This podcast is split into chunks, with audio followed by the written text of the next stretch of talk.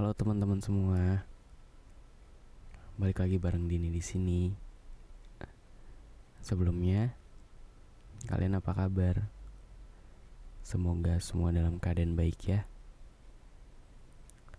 Jadi, uh, sebelumnya di episode sebelumnya aku udah ngebacain cerita dari temennya Dini yang udah kirim email dan sekarang aku mau coba bacain lagi tapi karena aku belum namain segmennya ini segmen apa jadi di episode kali ini juga sekalian aku mau ngasih nama atau judul untuk segmen cerita sama teman-teman ini jadi di segmen ini tuh aku namain cerita sama Dini Anyway, kalian boleh cerita tentang hal apa aja sama aku. Kalian bisa kirim via email atau mungkin bisa kirim via DM Instagram.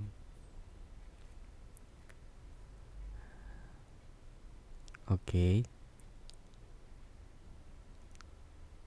Tapi sebelumnya Maret ini lagi kenapa ya? Sumpah tuh rasanya kayak dibuat roller coaster feeling gitu. Kita diajak dibawa ke ketinggian tapi dijatuhin begitu aja. Kayak ngerasa nggak sedih tapi nggak seneng juga. Flat aja. Kayak datar aja gitu. Tapi ya udah kita harus tetap berjalan karena ya waktu terus berputar dengan sendirinya dan kita juga nggak boleh untuk menyerah begitu saja ya udah nggak usah galau dulu karena di karena kali ini aku mau ngebaca sebuah lagi. email yang masuk dari temen ya di di Instagram oke langsung aja jadi dengan ini gue dan Arifin di dalam saluran dini hari akan menemani dan membawa kalian ke sebuah dimensi lain dari perasaan. Episode ini aku kasih judul Aku dan Masa Lalu.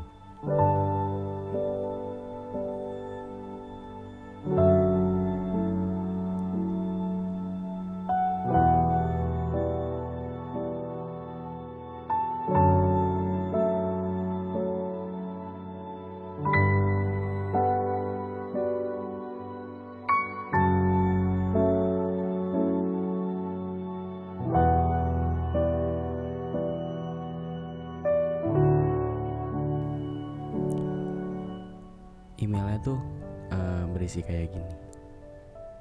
Sebelumnya assalamualaikum.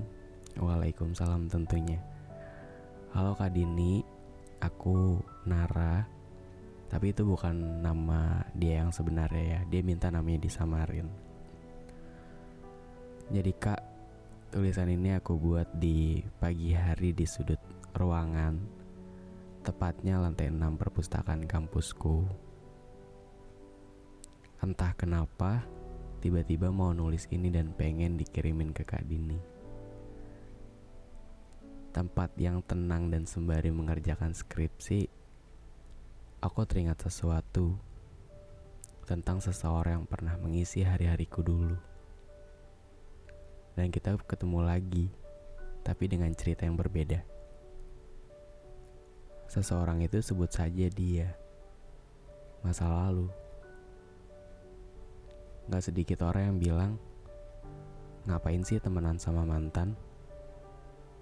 Gak mungkin bisa lah temenan sama mantan. Kalau masih temenan berarti masih suka tuh pasti. Gak bisa move on ya. Kok temenan sama mantan? Intinya banyak perspektif yang bilang kalau temenan sama mantan itu salah. Tapi sebenarnya kayak ya tergantung sih tergantung bagaimana cara seseorang itu untuk menyikapinya. Nggak ada yang salah untuk temenan sama siapa pun sebenarnya. Mau itu dia mantan kamu mau itu dia seseorang yang pernah nyakitin kamu. Kalau emang udah saling rela udah saling ikhlas terus uh, mutusin buat temenan lagi ya is oke okay aja. Tergantung seseorang itu sih oke jadi kita langsung masuk aja ke ceritanya. Di sini aku mau sedikit cerita tentang pertemanan dengan mantan. Mengulas ingatan kembali 10 tahun yang lalu kita bertemu. Iya saat itu kita masih SMP kita berkenalan dan berteman karena kita satu kelas. Masih kecil banget, belum tahu apa-apa tentang cinta. Tapi bisa-bisanya dia bilang sayang. dan akhirnya pun kita mutusin untuk pacaran saat mau kenaikan kelas 2. Kelas 2 SMP ya. Ya ampun kelas 2 SMP masih kecil masih kecil mah emosinya belum stabil banget dikit-dikit cemburu tapi juga gak ngasih tahu jealousnya tuh karena apa. Tapi nggak lama dari waktu itu waktu dia jadian kita putus. Tapi aku yang mutusin. Kalau seseorang itu seseorang yang diceritakan ini lagi ngedengerin dia bilang maaf ya. Karena waktu itu katanya ada temennya juga yang suka sama dia dan temennya ini tuh belum tahu kalau mereka tuh pacaran. Karena mereka cuma diem aja di hadapan teman-temannya seolah-olah ya mereka cuma temen gak pacaran. Mungkin waktu itu kamu gak terima. Kamu marah. Kamu kecewa sama aku.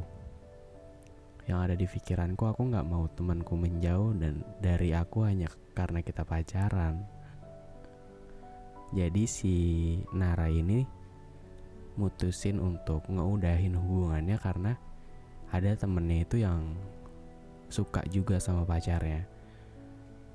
Tapi si temennya ini tuh nggak tahu kalau si Naranya ini tuh ternyata pacaran sama orang yang temennya Nara itu tuh suka juga. Jadi si Nara mutusin buat ya udah kita udahan aja. Nara tuh nggak mau kalau temannya Nara tuh ngejauh hanya karena temennya tuh tahu kalau mereka tuh pacaran gitu dua tahun berlalu kita satu kelas tapi masih aja aku yang mendiamkanmu aku berusaha menghindar berharap biar kamu ngelupain aku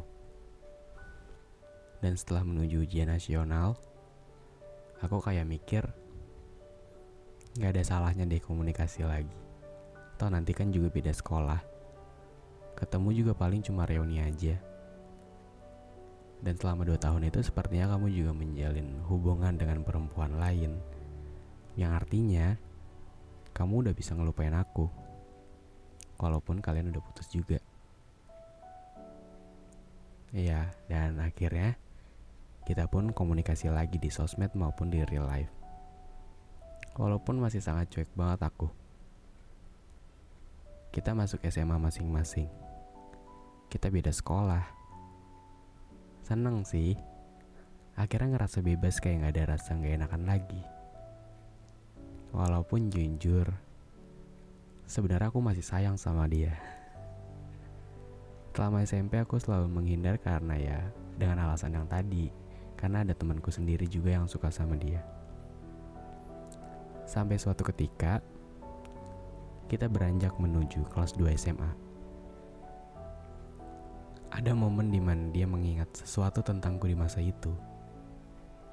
Dan dia bilang, kalau dia masih sayang sama aku. Nangis banget. Sebegitunya dia menyimpan sesuatu itu. Dan dia kembali lagi dengan perasaan yang sama.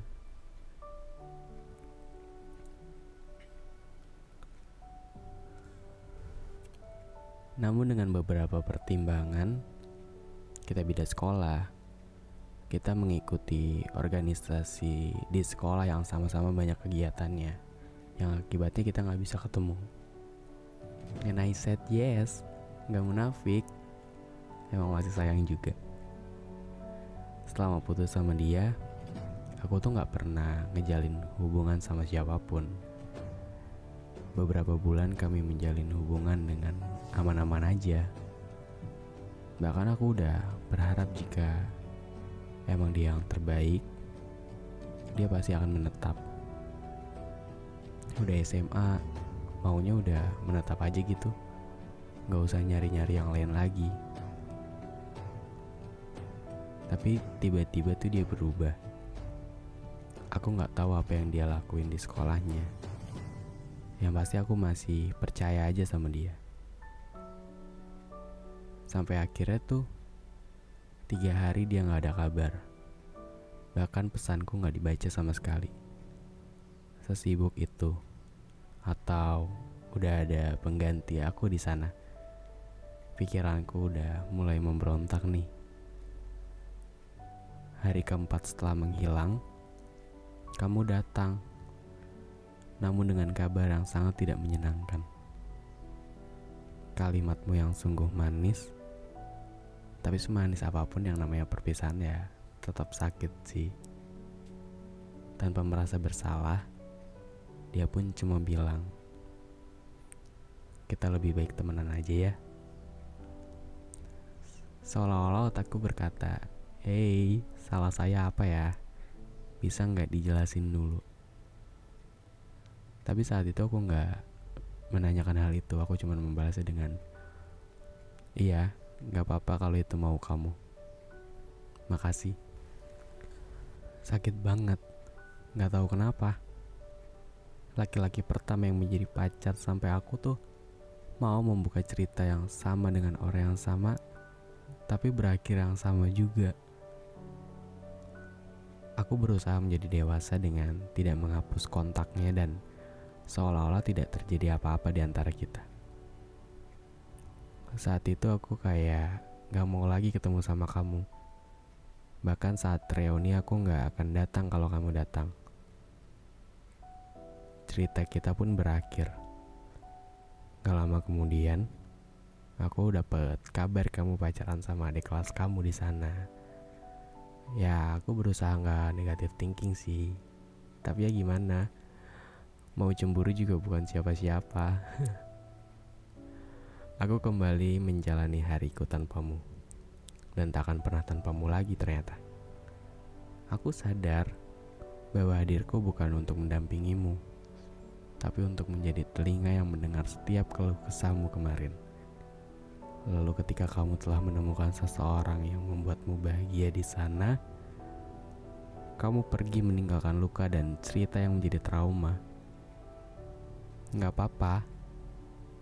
Aku tidak ingin memaksa seseorang yang hanya ingin menjadi kenangan. Beberapa tahun berlalu. Tibalah masa akan kelulusan SMA dan berjuang masuk ke perguruan tinggi. Aku tahu kamu udah putus sama pacarmu. Dan ya, seperti yang sebelumnya, kamu kembali lagi. Di sini aku udah bilang sama diriku sendiri, jangan ngebuka cerita yang sama lagi. Bersikap baik aja dan seperti teman pada umumnya. Tapi jujur kayak susah banget. Aku cuek sama dia nggak salah kan ya? Aku tuh cuman nggak pengen punya rasa yang sama lagi sama dia aku nggak pengen ngulang lagi sama dia suatu ketika aku lolos di PTN yang aku impikan. Dan dia belum. But dia masih terus memperjuangkannya. Ada momen di mana dia nanya ke aku kamu masuk program studi apa? Di mana? Ya aku jawab dong selayaknya teman yang bertanya kepadaku. Aku tidak pernah berpikir kita akan bertemu lagi, karena aku tahu passion dia. Keinginan dia di program studi lain. Beberapa waktu berlalu, bom waktu itu datang. Aku tidak pernah menyangka dia masuk di program studi yang sama denganku. Di perguruan tinggi yang sama bahkan kita satu kelas sedih, nangis seketika tahu kalau kita bakal satu kelas lagi. Aku nggak beraniin diri buat personal message ke dia. sejak kapan kamu minat di program studi ini? Bukannya kemarin kamu mau titik-titik-titik Terus dia cerita tentang struggle-nya masuk PTN Tapi ya udah, mau diapakan lagi kalau memang itu juga jalan yang terbaik untuknya Selama kuliah semester 1 Aku masih mendiamkannya Dan gak ada satupun teman kuliah yang tahu kalau kita dulunya itu Temenan bahkan sampai pacaran. Mungkin dia juga capek ngadepin sikapku yang udah beda buat dia. Terus dia ngeberanin bilang sama aku Kamu gak suka ya aku ada di sini? Kenapa kamu masih cuek sama aku? Setelah dipikir-pikir Kayaknya gak ada salahnya nerima orang itu kembali dengan cerita yang berbeda Kita udah dewasa kita udah sama-sama paham kesalahan masing-masing dulu. Dari sini aku mengatakan, mungkin Allah mempertemukan kita kembali untuk memperbaiki kesalahan, memaafkan dengan ikhlas, dan memang ini jalan terbaik yang Allah berikan untuk kita. Dan setelah kejadian itu, kita mulai berteman layaknya teman, dan udah gak ada pembahasan lagi tentang masa lalu di antara kita. Sekarang udah di semester akhir. Masa kuliah bareng kita akan segera berakhir. Yeay. Semoga tahun ini aku dan teman-temanku lulus ya. Amin. Terima kasih kamu udah mau survive bareng Tanpa ada rasa yang lebih dari teman Makasih udah jadi teman yang baik Makasih banget deh Semoga segera didekatkan jodohnya ya Udah pokoknya sekarang aku mau ngobrol apa pun sama dia kayak santai banget. Aku berhasil bertemanan sama mantan. Thank you Kak Dini udah mau baca cerita aku yang super panjang ini. Semoga sukses selalu. Kalau kalau mau dibacakan bersyukur banget. Kalau disingkat juga gak apa-apa. Wassalamualaikum. Wah, jadi dari cerita teman kita yang bernama Nara itu, dia nyeritain tentang masa lalunya yang pernah pergi dan kembali dengan perasaan yang sama. Dan pada akhirnya mereka berhasil uh, untuk tidak melibatkan lagi perasaan masa lalu dan berteman selayaknya. Ya pertemanan pada umumnya. Ya seperti yang udah aku bilang di awal kalau tergantung sih kita mau temenan sama siapa pun tuh sebenarnya nggak masalah. Tergantung bagaimana seseorang itu untuk menyikapinya kan? Mau itu mantan kamu mau itu seseorang yang ngelukain kamu di masa lalu atau mungkin seseorang yang bahkan kamu pernah benci banget waktu itu. Ya anyway nggak ada yang tahu ke depannya akan kayak gimana. Yang penting uh, teruslah bersikap baik maupun itu sama siapa pun karena kita nggak akan tahu kan ke depannya tuh bakal kayak gimana. Jadi so seru banget ceritanya dari Nara ini. Uh, terima kasih banget Nara udah mau cerita ke aku udah mau email ke aku. Kali ini udah aku bacain juga. Uh, dan buat teman-teman semua yang kalau punya cerita dan mau aku bacain bisa kirim via email.